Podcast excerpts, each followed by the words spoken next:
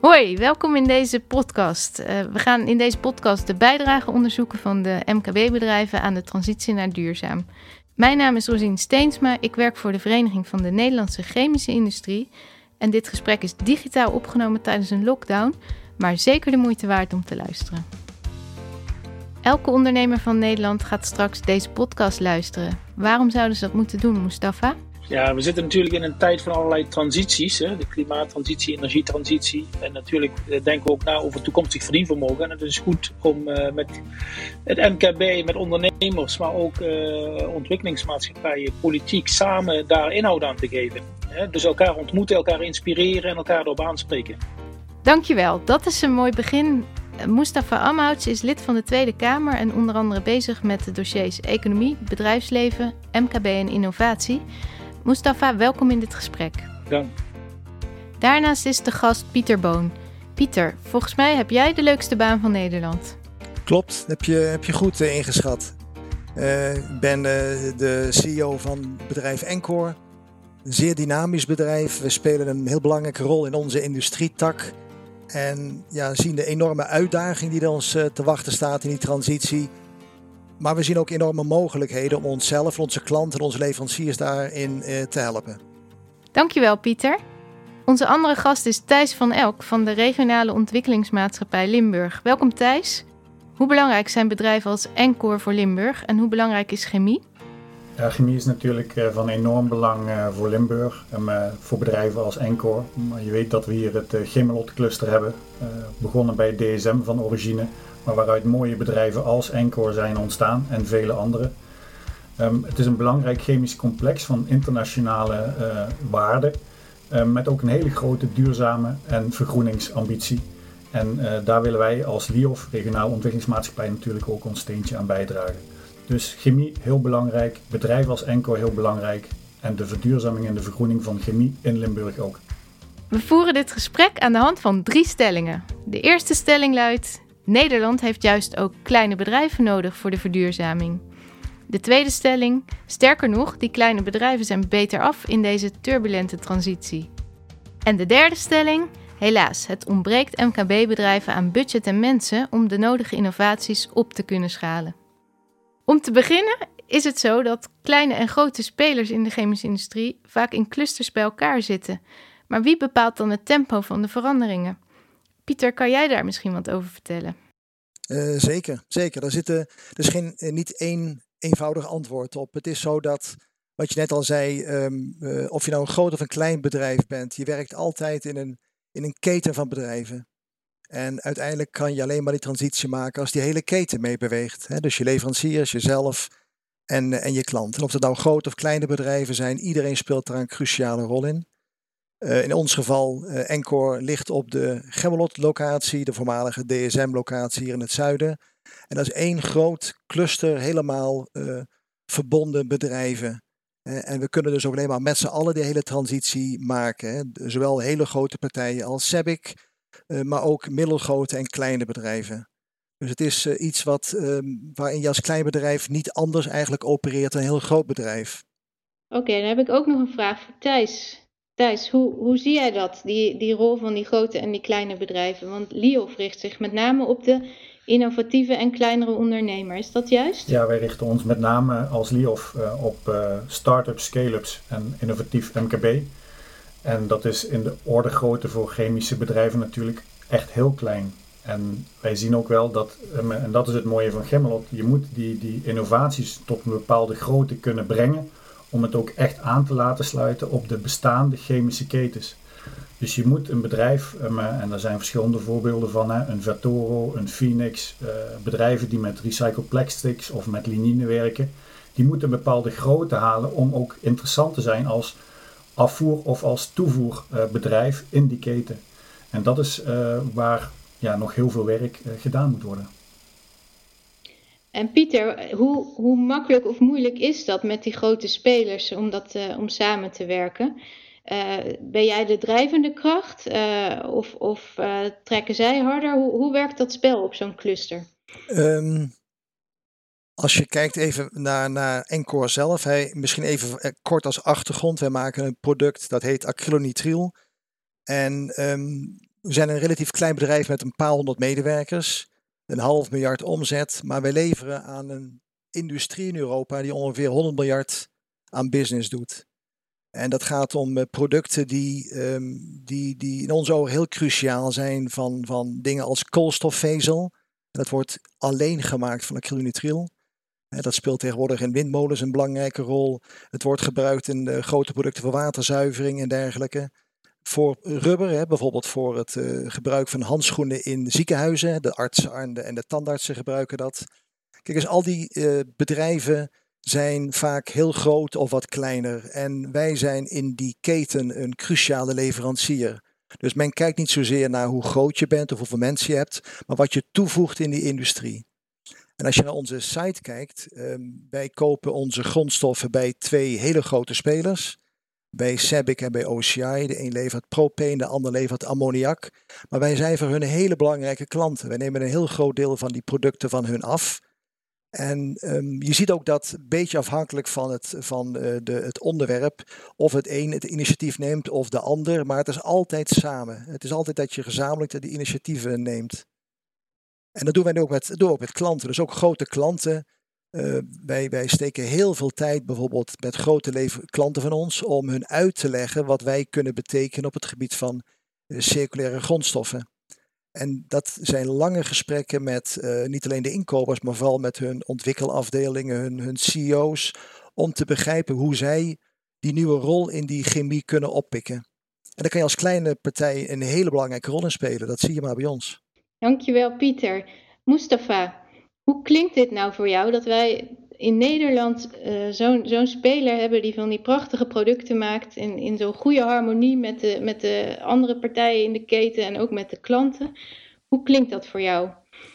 Uh, heel belangrijk, hè? er werd net gezegd, hè? die chemie, de industrie der industrieën. Kijk, ik ben er voorstander van dat wij de maakindustrie in Nederland ook versterken. En de maakindustrie kan natuurlijk niet zonder materialen of grondstoffen. Een bedrijf als Ancor ook, hè, zoals ik Pieter ook hoor benoemen, kool, uh, koolstofvezel, hè, of het nou voor windmolens is of voor hè, de, de lichtere vliegtuigen in de toekomst toe. Hè. En dat is denk ik heel belangrijk, dat als we zeggen, hè, we willen in Europa meer autonomie hebben, hè, minder afhankelijk zijn van andere grote wereldspelers als China en Amerika, ja, dan moet je ook zelf producten kunnen maken. Dan moet je ook de keten, en ik zeg niet dat je de hele keten in, in Europa kunt hebben, maar wel, ik noem het altijd herbalanceren. Dus is het heel belangrijk dat chemiebedrijven, en het woord chemie klinkt misschien een beetje akelig vanuit het verleden allemaal, maar chemie is tegenwoordig inderdaad duurzame producten maken, duurzame materialen maken die we nodig hebben voor onze transitie. En dat kan in Nederland. En Nederland is een klein land. Ik zeg altijd, Nederland is een postzegelland.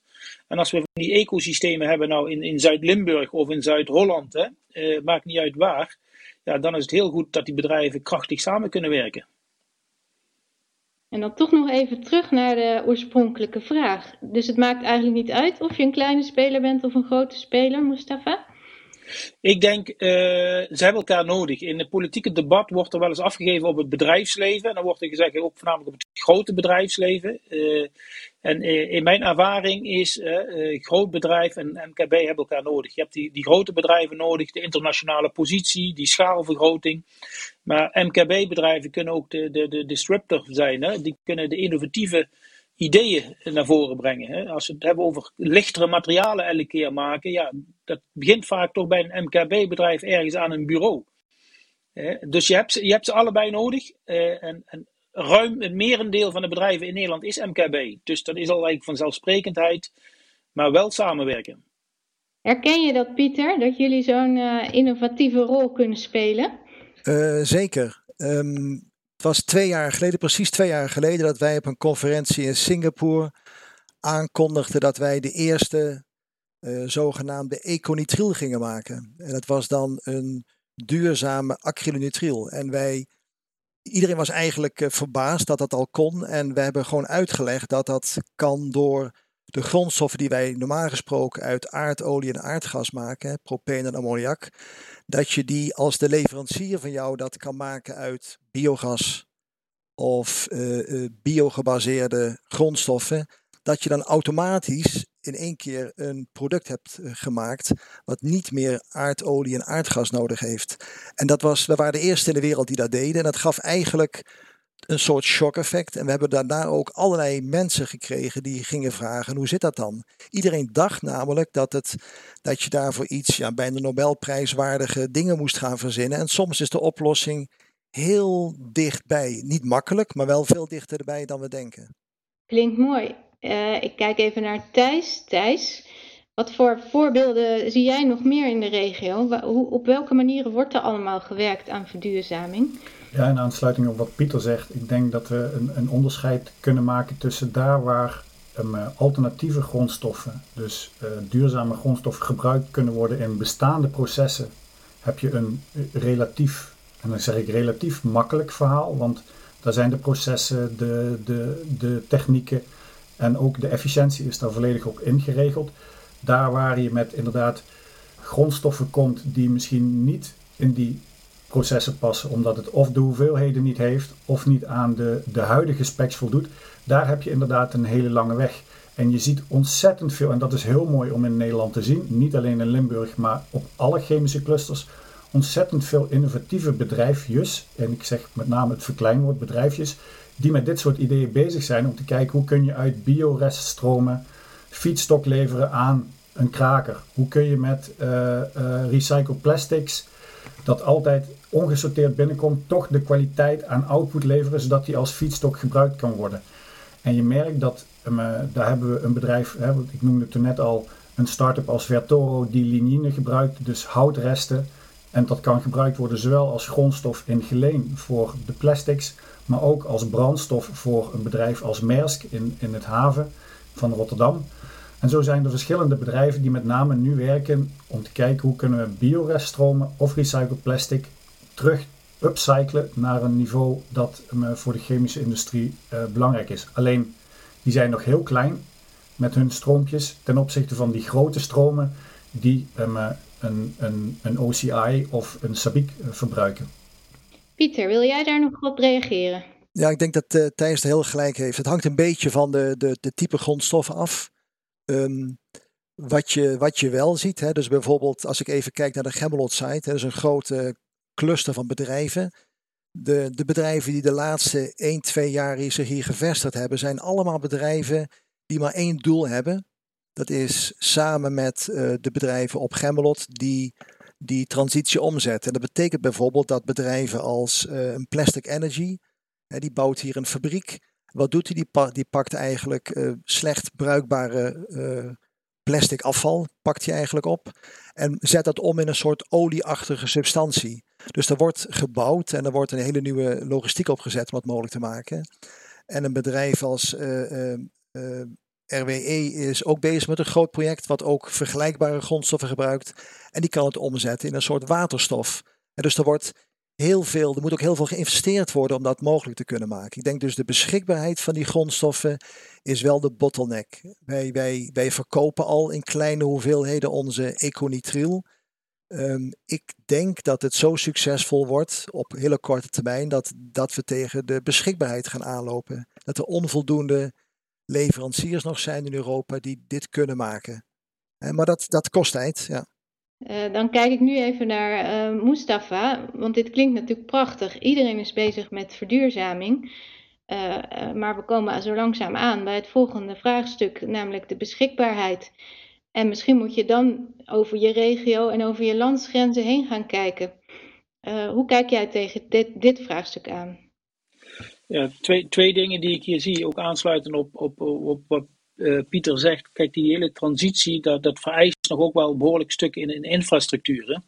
Uh, als je het hebt over elektrificeren dadelijk van Gemmelot, of de buisleidingen naar Gemmelot, of veilig uh, treintransport naar Gemmelot, al die zaken, ik denk dat daar een belangrijke rol voor de overheid is weggelegd om dat goed te faciliteren. En ik ga er ook vanuit dat in een, in een nieuwe regeerakkoord hè, behoorlijk wat miljarden weer vrijgemaakt worden voor die transities, want het kan niet anders. Die infrastructuur die is echt fundamenteel. Eh, en natuurlijk, zeker voor Limburg, eh, juist, hè, ik zeg altijd, uh, Nederland heeft zeven provincies van de twaalf die grenzen aan Duitsland en België. En dat geldt voor Nederland, of voor Limburg helemaal, ingeklemd tussen België en, en Duitsland. Ja, die regio is heel belangrijk. Daar kun je niet zeggen van dit doen we in het Limburgse of dit valt net in het Duitse. Het Roergebied is, is, is de voordeur van Limburg, zeg ik even. Dus je moet over de grenzen heen kijken. Je moet ook samenwerken. je moet daar ook aan regelgeving en wetgeving kijken. ik heb laatst gehoord, in, in Kerkrade staan de, de, de, de windmolens op Duits gebied net een overkant, maar eh, de, de, elektriciteit naar Nederland krijgen, dat is dan weer nog een probleem. Hè? Dat zijn van die dingen ja, die moeten opgeruimd worden. Uh, anders gaan we dat niet, uh, die hele transities niet waarmaken. Want het is niet alleen maar het westen van het land wat in die transitie zit. Ook die zeven van de twaalf provincies. En daar liggen hele grote kansen met de buurlanden. Ga ik ook even naar, naar Thijs als regionale ontwikkelingsmaatschappij. Eh, zit jij ook in Limburg. Dus jij, jij moet dit uh, vraagstuk herkennen. Ja, dit herkennen we zeker. Ik denk dat uh, chemie is sowieso een heel internationale industrie. Dus die houdt sowieso niet aan de landsgrenzen op. Daarnaast ligt Limburg inderdaad gewoon ingeklemd tussen andere clusters. Of dat nou Antwerpen is, of het Roergebied, of Duisburg, Binnenhaven. Dus we liggen geografisch ook gewoon heel sterk. En ik denk dat we hier ook een knooppunt moeten zijn van de waterstofleiding, uh, van goede elektriciteitsvoorzieningen over de grenzen heen. Maar we moeten ook uh, gebruik maken van de kennis uh, die aan weerszijden van de grens ook aanwezig is. we hebben hier in de buurt de RWTH Aken, een technische universiteit die groter is dan al onze technische universiteiten in Nederland bij elkaar. Daar gebeuren op dit moment ook heel veel dingen in de transitie. En het zou dom zijn als we die kennis niet zouden gebruiken voor verduurzaming en vergroening in Nederland. Dus ik denk dat dat regionale en eigenlijk internationale denken ook gewoon een, een sleuteloplossing uh, moet bieden of een, een, sleutelpositie heeft in de oplossing voor die verduurzaming van de chemie, want die houdt echt niet aan de grenzen op. Dus heel belangrijk voor ons. Dankjewel. Uh, wat je ook vaak hoort is uh, dat we inderdaad voor die, waar we het net over hadden, die innovaties die pas over 20 jaar beschikbaar komen, ook wel de disruptieve innovatie genoemd, dat je dat nu al allemaal in gang moet zetten. En daar moet je ook de samenwerking en het uitdenkwerk moet je met elkaar doen. Maar dat je daar ook tegen allerlei vraagstukken aanloopt rond regels die gemaakt zijn voor de wereld van vandaag. Dus uh, bijvoorbeeld hele ingewikkelde zaken rond vergunningverlening en, en gewoon systemen die opgezet zijn voor vandaag, die eigenlijk verhinderen dat jij al stappen kan zetten richting al die grote uh, oplossingen richting 2050 die we gewoon ook heel hard nodig hebben, zoals jullie net aangaven. Kijk, eerst even naar, naar Pieter. Herken jij dit? Ik hoor het vaak terug. Um, ja, zeker. Regelgeving is, um, is zeker voor de chemische industrie heel belangrijk. We hebben natuurlijk toch te maken met, met uh, producten waarmee we maken mogelijke emissies. Dus die regelgeving wordt steeds en steeds strenger. Wat wel, wat wel heel belangrijk is voor de chemie en dat is wel eens ingewikkeld. Als ik in, in, als, als een bedrijf als Enco wat echt internationaal opereert, eh, ook buiten Europa, is dat als je de discussie in Nederland hebt, is dat het heel vaak op Nederland gericht is. Um, dus het is belangrijk om te zorgen dat de, de regelgeving in Nederland in de pas loopt met, in ieder geval met Europa. Um, en soms, wat, waar, ik, waar ik wel eens tegenop zie, is dat, dat we best de kans lopen dat er straks ontwikkelingen zijn op het gebied van verbeteringen voor het klimaat. Hè, dus bijvoorbeeld CO2-emissie bijvoorbeeld. Waar je dan vervolgens wel in de fuik komt, omdat dan op andere, misschien milieu-emissieterreinen, je een hele moeilijke discussie krijgt. Hè, dat je dat wat goed is voor CO2 uh, eh, niet automatisch uh, toegestaan wordt vanuit de normale milieuvergunningen. Niet dat we nou het doel hebben om dat slechter te doen, maar het is wel eens een, een, een, een ingewikkeld verhaal. Maar het is vooral belangrijk dat het gelijk opgaat. Hè? Dus dat je, onze concurrent bijvoorbeeld zit hemelsbreed 100 kilometer bij ons vandaan in, in Keulen. Er zijn twee fabrieken in Europa die uh, acrylonitril maken. Ieder 50% van de industrie. En daar gelden niet dezelfde regels automatisch als voor ons. En dat is, dat is heel ingewikkeld. Heel ingewikkeld. En dat maakt het niet makkelijk om altijd op een goede manier te kunnen, te kunnen anticiperen op de, wat, wat er allemaal gaat komen. Mustafa, als jij uh, dit zo, zo hoort, wat, wat kunnen we daaraan doen? Kijk, belangrijk is in eerste instantie dat je probeert te, te zoeken naar een gelijk speelveld binnen Europa. Want de, de economische. Uh, Europa is een economische samenwerking. Uh, maar ook een gelijk speelveld ten opzichte van buiten Europa. Maar je ziet ook nu in die transitie, hè, als we kijken naar de, Green Deal of naar Fit, Fit for 55 daar zie je toch discussies. Hè, wat moeten we op Europa doen en wat moeten we nationaal doen? En, en de ene land wil soms, hè, Nederland heeft soms ook wel vaak de neiging om uh, het beste jongetje van de klas. Soms is dat terecht, soms niet altijd. Want als je het niet kunt beïnvloeden, dan is het heel vaak heel moeilijk. Dus daar zit inderdaad, ik herken wat Pieter zegt, er zit nog echt, echt wel licht tussen.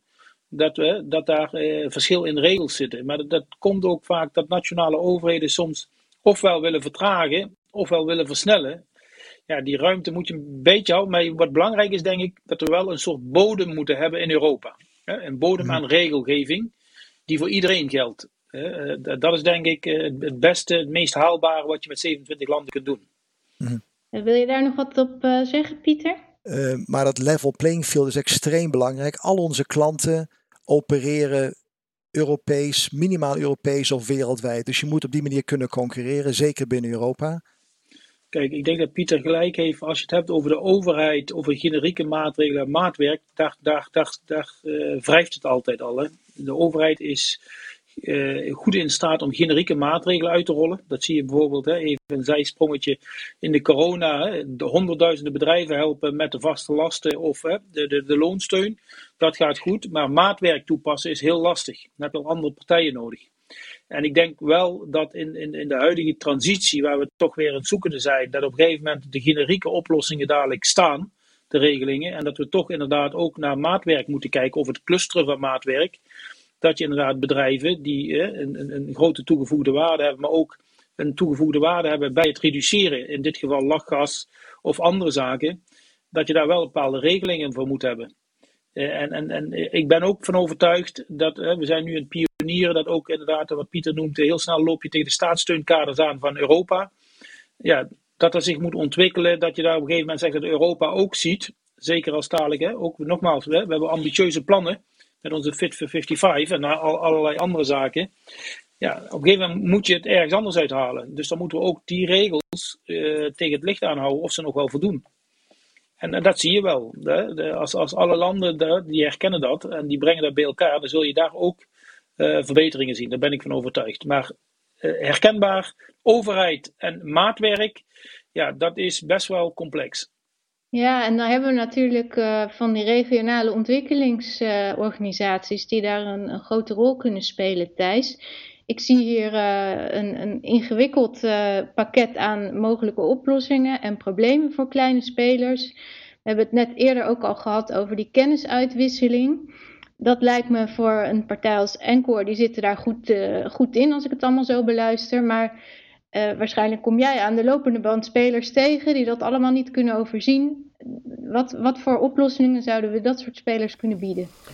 Ja, de, de, Allereerst, ik ben het gewoon helemaal eens met wat ik net gehoord heb over um, staatssteun, transitie. En ik, ik zie met name, um, als we echt die ambitie voor de transitie willen waarmaken, gaat het echt om hele grote sommen geld.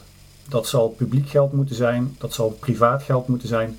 Maar de hoogtes die daarvoor nodig zijn om echt chemische processen te verduurzamen, zijn hoger dan bijvoorbeeld um, de 200.000 euro die je nu vanuit bepaalde staatssteunregelingen voor start-ups mag gebruiken. Met 2 ton kom je bijna nergens, zeker niet in de chemie. En als een bedrijf zijn engineering wil laten uitvoeren, ben je al 4 ton kwijt, überhaupt. En dan heb je nog niks in handen. Dus ik zie daar met die staatssteun en met de hoogte van de subsidies, maar ook met privaat en publiek geld, eh, daar moet nog heel veel gebeuren om die transities waar te maken. Wij zelf zitten inderdaad als regionale ontwikkelingsmaatschappij eigenlijk veel vroeger, ook veel vroeger dan Encore. Wij zitten echt bij die innovaties die net begonnen zijn, die iets uit de universiteit of iets uit een spin-off van een bedrijf hebben losgetrokken. En dan gaat het inderdaad om plastics uh, recycling of inderdaad om hout of om waterstof uh, toepassingen of ontwikkelingen om waterstof te genereren op een groene wijze. En dan heb je het inderdaad heel vaak over Europese middelen zoals EFRO, en die zijn heel beperkt. Dat, daar kom je nog niet eens in de buurt van een, uh, van een of een SDI. Dat zijn hele kleine bedragen, puur voor innovatie. En dan heb je het misschien over tonnen. En ik denk dat die subsidies eigenlijk, en dat zal ook maatwerk zijn, hè, want er is bijna geen enkel chemisch proces hetzelfde uiteindelijk. Of in ieder geval niet de manier waarop het gedaan wordt. Dus je zult zeker ook bij uh, complexen als Gemmelot of het havenbedrijf Rijnmond Daar zul je echt moeten kijken, wat hebben we daar nou precies voor nodig? En je zult denk ik de moeite moeten nemen om voor succesvolle start-ups en succesvolle bedrijven, MKB-bedrijven, om die gewoon goed financieel te ondersteunen. Zowel met subsidies, maar zeker ook met privaat geld. Om ze echt interessant te maken om aan te sluiten op de, ja, op de ketens waar Pieter met zijn enkel nou al perfect op aangesloten is. Pieter wil wat zeggen. Ja, nou, ik denk, ik, het, is, het is heel bemoedigend dat ik hoor, zowel van Mustafa als, als Thijs. Ik denk dat, dat, dat in ieder geval het begrip heel goed is. Uh, het gaat om enorme bedragen. Wat ik intussen wel merk, gelukkig, is dat uh, aan de kant van de, we zeggen even de financiering, hè, dat er heel veel fondsen zijn in Europa, uh, maar ook gewone reguliere financiers en banken die heel graag bereid zijn, laat ik het zo stellen, om dit soort um, investeringen mogelijk te maken. En soms is dat het doel van een bepaald fonds. dus het is wel absoluut iets. Eh, iedere bank tegenwoordig die geld verstrekt aan wat voor bedrijf ook, een chemiebedrijf, kijkt heel strikt naar hoe duurzaam het bedrijf is en wil dat ook kunnen zien en wil, heeft dat ook nodig. En, en um, dat, is, dat is goed. Dat betekent ook dat als je een keer een, een idee hebt en je hebt daar ook voldoende um, hoe heet het, uh, subsidie of support voor en je zoekt nog aanvullende financiering, dan is mijn verwachting ook, en wat ik ook zie, is dat, dat dat wel mogelijk is. Er zijn gigantische bedragen en ik denk dat een hoop geld nog op de plank ligt, wachtend op concrete projecten. Maar ik hoorde jou iets heel interessants zeggen. Jij zegt er ligt heel veel geld op de plank.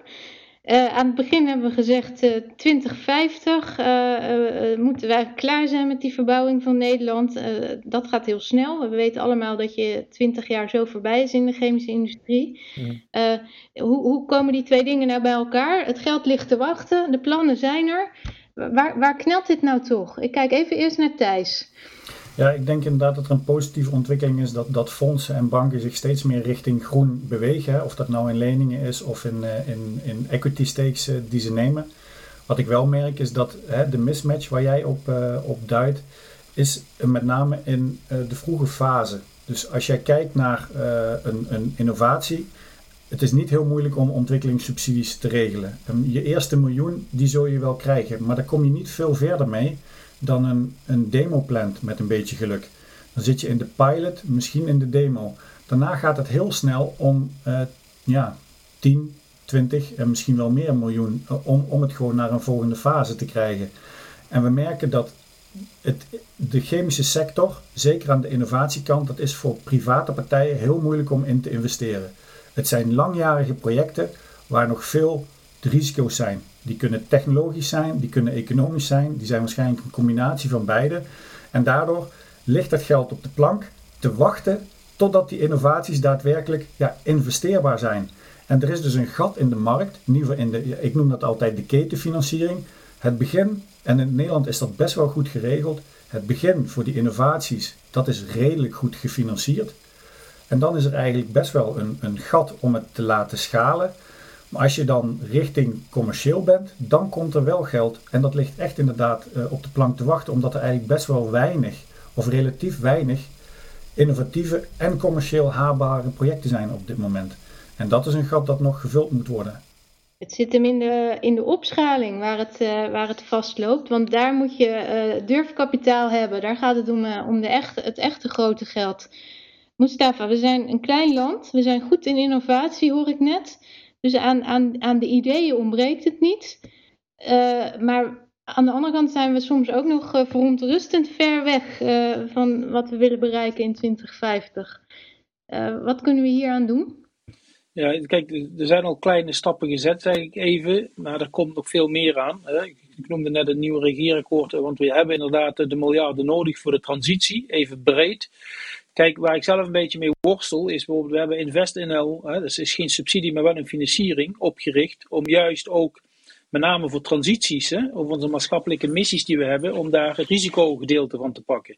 En eh, ik zie daar ook dat ze daarmee worstelen, want je zou daar kunnen zeggen, inderdaad, met een stuk privaat, met een stuk uh, InvestNL en een stuk gewone financiering, dat je bepaalde projecten, wat, wat, wat Thijs ook zegt, hè, die voornamelijk in die schalingsfase zitten, waar je van weet dat we ze in de toekomst nodig hebben, dat ze daarbij springen. Ja, en dat zullen we echt wel over binnen zienbare tijd eh, echt moeten gaan evalueren of dat ook gelukt is. Want anders hebben we inderdaad daar 2 miljard liggen op de plank, 1,8 miljard volgens mij bij uh, InvestNL, wat dan niet loskomt. Los van de subsidies, als ik zeg, we hebben over die, die, de, de DI-subsidies of de VEKI-subsidies of de SDE++-subsidies en hè, wie weet wat er nog meer allemaal aankomt. Wat wel een punt is, is uh, alle grondstoffen die nu beschikbaar zijn voor, uh, voor circulaire producten, of het nou een, een bio-oorsprong heeft of een recycle-oorsprong, is over het algemeen heel erg duur. En onze klanten, als, als wij ze economitriel verkopen, even zie je het niet als een, als een, als een quote, hè, maar financieel aanbod, maar dat is ongeveer twee keer zo duur. Dus als iets ik maar zeggen 100 kost, normaal gesproken, vragen wij die klant voor, hetzelfde, voor dezelfde performance eigenlijk, hè, voor hetzelfde molecuul, maar dan op basis van een biogrondstof, vragen wij twee keer zoveel, omdat die grondstoffen zoveel duurder zijn. Een paar jaar geleden, vier, vijf jaar geleden, was dat onmogelijk om dat te kunnen verkopen. Nu zie je dat bedrijven bereid zijn om te zeggen: oké, ik begrijp dat het heel duur is. Ik begrijp ook waarom het heel duur is. Maar ik ben, ben wel bereid om dat te gaan betalen. Omdat er toepassingen zijn waar het cruciaal is. Of waar klanten daarvoor willen gaan betalen. Dus dat zijn ook operationele extra kosten die je door kunt berekenen. En ik verwacht wel dat op lange termijn, als de beschikbaarheid toeneemt, dat die kosten wel omlaag zullen gaan. Maar de eerste jaren betaal je voor dat schaarse product heel erg veel geld. En dat zijn dingen die wel een rol spelen, maar ik merk wel dat in de gesprekken met klanten dat ze zich dat realiseren en ook ja, daar toch wel proberen doorheen te kijken. Ik vind je eigenlijk uh, heel optimistisch, Pieter, want uh, jouw klant ziet ook alweer het belang en is zelfs bereid om daar, om daar meer voor te betalen.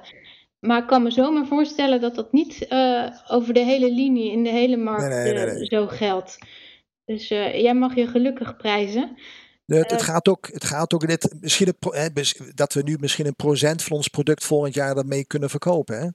Uh, dat, maar dat, het, het, is wel, de, de gedachte daarachter is denk ik zeer, ik ben van huis uit redelijk positief, hè, anders dan moet je dit soort werk ook niet willen doen, denk ik. Maar je, je merkt aan de, de, de soort discussie die erachter ligt, dat iedereen begrijpt waarom dat nodig is. En dat het gewoon onderdeel is van nou ja, één keer een, een, een zure appel waar je doorheen moet bijten.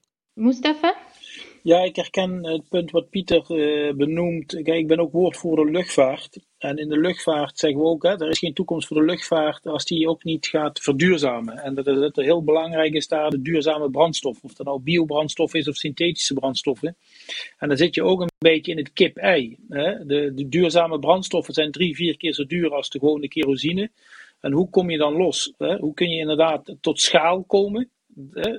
Voordat je inderdaad die prijzen kunt laten, uh, laten zakken. Uh, en daar kan soms ook de overheid wel een rol spelen. Kijk, als je nu hebt over, pak dit als voorbeeld, dat we in Europa gaan reguleren, dat we inderdaad zeggen, dat gaat verplicht. Er mag geen kerosine verkocht meer worden als er niet een verplichte percentage bijmenging. Dus dan ga je schaal creëren. En dat zijn ook wel instrumenten waar we op een gegeven moment wel moeten gaan nadenken, zodat inderdaad bedrijven ook die schaal kunnen maken en dat we elkaar niet gijzelen in het kip-ei verhaal. Ja, is, is uh, voor mij helemaal duidelijk. We hebben in deze podcast natuurlijk een beetje gefocust op de wat kleinere bedrijven en de speciale uitdagingen waar, waar zij, uh, waar zij uh, tegenaan lopen. Kunnen, kunnen we daar iets over concluderen inmiddels? Hè? Zijn jullie nou, maakt het nou helemaal niet uit of je klein en groot bent en gaat het gewoon om de samenwerking met de spelers voor je en na je en naar het ontwikkelen van die markt? Of is het soms ook wel voordelig als je, als je klein bent? Ben je misschien wendbaarder? Ben je innovatiever? Kunnen we daar inmiddels al iets over concluderen, Pieter? Als klein bedrijf kun je heel wendbaar zijn, daar ben ik me mee eens. Dus in mijn geval kan ik heel, heb ik hele korte lijnen met de eigenaren. Uh, neem niet weg dat als wij, net zoals bijvoorbeeld een bedrijf als Sebic of een, of, een, of een BASF of andere, die hun zogenaamde kraakprocessen moeten ombouwen van uh, zeggen, eh, olie gebaseerd naar elektrisch bijvoorbeeld. Kijk, dus dat soort investeringen zijn zo gigantisch groot en duren zo lang. Dat zouden wij als klein bedrijf nooit kunnen doen. Hè. Dus daar heb je ook grote bedrijven en ook uh, uh, schaalgrootte nodig. Um, wat grote bedrijven wel hebben is, en dat sommige bedrijven, pak bijvoorbeeld de ammoniakindustrie, die hebben van, van, vanwege hun chemie een hele hoge CO2-uitstoot. En wat daar het risico is, is dat ze door de druk van de belasting en de tijd die het vraagt om die transitie te maken, dat ze gewoon in tussentijd ja, moeten zien om het te overleven. Dat is wel een, een, een angst die ik heb. Hè, van, is er voldoende tijd voor sommige bedrijven die om een of andere reden toevallig in de verkeerde hoek zitten, om die stap te kunnen maken? Want je moet wel, je moet wel uh, we zeggen vijf of tien jaar kunnen overleven om op een nieuwe manier uh, uh, in die nieuwe chemie te kunnen, te kunnen werken en succesvol te kunnen zijn. Dat is wel een, is wel een zorgpunt, want zonder die bedrijven, ook heel duidelijk, ja. als wij geen ammoniak of sommige andere producten niet zouden kunnen krijgen, is er ook geen chemie in Nederland meer. Dus we moeten die grote bedrijven ook niet te moeilijk maken, dat zeg jij. Uh, even iets, een kleine korte reactie van Mustafa en dan uh, vraag ik ook nog even aan Thijs de speciale blik op de kleine bedrijven. Kijk, wat ik, wat ik zie is, kijk, er is heel veel aandacht voor de grote bedrijven, omdat daar een soort 80-20 regel is in de reductie van CO2. Hè. Als je de OCI's of Tata Steel hè, of hè, Dow Chemical pakt, daar is focus op. Nou, die kun je gewoon heel makkelijk duiden. En daar moeten grote stappen gemaakt worden. En, en die kun je dan ook inderdaad boeken, zeg ik even, als CO2-opbrengsten. Uh, waar het andere punt is, en dat heeft volgens mij Pieter in het begin gezegd, is ja, een MKB-bedrijf uh, in alle regelgeving, in alle uh, alle uh, wetgeving die erbij. Ja, een MKB-bedrijf blijft een MKB-bedrijf en die hebben dus niet alle kennis in huis. Dus, dus wij moeten ook in die transitie ook hebben voor MKB-bedrijven in de, in de uitvoering en regelgeving. Dat dat toegankelijk is voor een MKB-bedrijf en overzichtelijk blijft voor een MKB-bedrijf. Kijk, hele grote bedrijven die hebben die afdelingen, die hebben die juristen, die hebben allemaal die mensen die dat goed uitzoeken. ja, die grote bedrijven valt veel te halen, maar er zijn meer MKB-bedrijven dan groot bedrijf. En die moeten we het wat laagdrempeliger maken om in die transitie mee te gaan. Ja. Thijs? Ja, ik wou even terugkomen op wat uh, Pieter en ook Mustafa zeiden over groot en klein bedrijf. Ik denk, um, de kleine bedrijven zijn zonder meer wendbaarder. En het is ook vaak waar de innovatie vandaan komt. Um, alleen, we hebben het toen net gehad over voor schalen heb je geld nodig. Maar dat is echt niet genoeg. Je hebt inderdaad ook operationele uh, opschaling nodig. En vaak heb je daar het liefst een groot bedrijf bij in jouw cluster die jou kan helpen om jouw grondstof in zijn proces te brengen. Die jou kan helpen om markttoegang te krijgen. En dus denk ik dat um, aan de ene kant de wendbaarheid van de kleine bedrijven en de innovatiekracht ja, die die kleine bedrijven hebben, ja, eigenlijk gecombineerd moet worden met die schaalkracht uh, en die marktkracht en markttoegang die grote bedrijven hebben. En daarom denk ik dat het belangrijkste is, en dat, daar is Nederland gewoon heel goed in, maar moet daar nog veel beter in worden als we die transitie echt willen maken, is door die clusters met grote en kleine bedrijven die om elkaar heen zwermen en met elkaar samenwerken, om dat gewoon of door regelgeving of door financiering, maar vooral ook door goede relaties te bouwen met elkaar te versterken. Want ik denk dat de innovaties van de kleinere bedrijven de grotere bedrijven op de lange termijn gaan helpen, maar we moeten de grote bedrijven wel helpen dat dat hun toekomst is op de langere termijn en niet een oplossing voor morgen. Nou, volgens mij heb je het prachtig samengevat, uh, Thijs. Samenwerken is het sleutelwoord. Ik pak nog eens even onze stellingen erbij waar we mee begonnen en om eens te kijken waar we zijn, uh, zijn geëindigd. Onze eerste stelling was: Nederland heeft juist ook kleine bedrijven nodig voor de verduurzaming. Ik denk dat het antwoord daarop, en uh, jullie mogen me in de reden vallen als je het er niet mee eens bent, maar volgens mij is het antwoord volmondig ja we moeten grote en kleine bedrijven hebben, dus zeker ook die kleine. Want die zijn wendbaar en die kunnen mooi initiëren. En vervolgens heb je de grote spelers nodig om het op te schalen en op te pakken. Zijn jullie het eens met mij? Pieter? Ja, absoluut. Thijs? Ja. Mustafa? Ja, ik denk dat er veel, van, eh, veel voorbij is gekomen uh, van uh, innovatie, groot en klein, uh, grensoverschrijdend, de regelgeving. onze tweede stelling was, sterker nog, Kleine bedrijven zijn beter af in deze turbulente transitie. Pieter? Ja en nee. Mustafa? Nee, op dit moment. Thijs, die tweede stelling. Zijn die kleine bedrijven nou beter af in die turbulente transitie?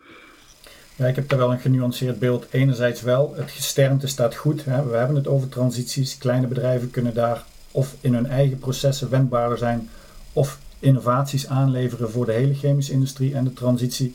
Van de andere kant zie ik dat het gat tussen de innovatie die die kleinere bedrijven hebben En het daadwerkelijk impact maken in de transitie, dat we daar nog ver van verwijderd zijn. En ik denk dat we het uitvoerig gehad hebben over wat er nodig zou zijn. Aan goede wil ontbreekt het niet. Ik denk aan intenties ook niet. Nu moeten we het gewoon om gaan zetten in, in, in ja, krachtige acties. Zodat die innovaties ook daadwerkelijk uh, naar de transitie van de chemische industrie gaan leiden. Dus enerzijds ja, we zijn goed gepositioneerd. Anderzijds, we zijn er nog lang niet. En de derde stelling, uh, het ontbreekt MKB-bedrijven aan uh, budget en mensen om de innovaties te kunnen opschalen. Pieter? Uh, soms. Thijs? Ja, maar ook netwerk. Ja. En Mustafa? Ja, en de regelgeving moet makkelijker. Eén belangrijk punt wat we nog niet aangetipt hebben, maar ik denk dat Pieter dat ook herkent, is je hebt uiteindelijk talent nodig eh, en, uh, om dat te realiseren. En dan kom je op het punt van praktisch en technisch opgeleid personeel. Dat is een hele grote uitdaging in Nederland. We kunnen hele mooie ambities hebben op klimaattransitie, CO2-reductie, gaat zo maar door. Maar als we die mensen niet hebben, ja, dan zullen we onze ambities bij moeten stellen. En dat wil natuurlijk niemand. Uh, en vandaar dat we ook in de Tweede Kamer drie weken geleden bij de begroting van e economische zaken ook daarop ingespeeld hebben. En we zeggen, economische zaken, kom nou met een aanvalsplan hè, om talent voldoende beschikbaar te krijgen. We moeten echt uit een ander vaatje gaan tappen. want anders zullen we onze ambities bij moeten stellen, wat niemand wil. Nou, dat komt goed uit, uh, Mustafa, dat je dat zegt. Want de volgende podcast in deze serie gaat over precies deze uitdaging. Over uh, goed, goede medewerkers en goed ondernemerschap. Dus dankjewel voor dat bruggetje. Nou, jullie blijven maar zo positief. Pieter, nog een laatste, misschien zorgpunt of positieve woorden om af te sluiten van jouw kant? Nou, de, de, de zorgpunt is iets wat ik misschien eerder gezegd heb, is dat dit komt on, top of wat we al moeten doen. Ik denk dat je niet moet vergeten dat uh, even los van CO2-emissies en de transitie, de veiligheid en milieu natuurlijk zeer hoog in het vaandel staat bij iedereen. En dat kost iedere keer meer tijd en meer aandacht. Hè? Dus de, de, de tijd die wij moeten besteden aan, aan keuringen, het geld wat we moeten besteden aan keuringen, dat neemt uh, hand over hand toe. Ik zeg niet dat dat slecht is, maar het is wel een, gewoon een gegeven. Dus daar moet je heel veel tijd in stoppen. Dat de tijd van je, van je mensen, als het gaat over emissies, als het gaat over, over water, dat is iets wat uh, op alle fronten liggen er enorme uitdagingen. Dus je moet de beperkt aantal mensen wat je hebt, moet je toewijzen aan de verschillende onderwerpen. En dat maakt het verschrikkelijk ingewikkeld. En uh, er zijn maar zoveel uur die je, die je kunt werken. Dus het is de transitie en de emissies van CO2 zijn on top of. Als we dat alleen hadden, was dat een stuk makkelijker. En het vind, vinden van mensen is zeker een punt. Hoewel ik moet zeggen dat het voor de hoogopgeleide mensen makkelijker is dan voor de midden, uh, dus de MBO zal ik maar zeggen.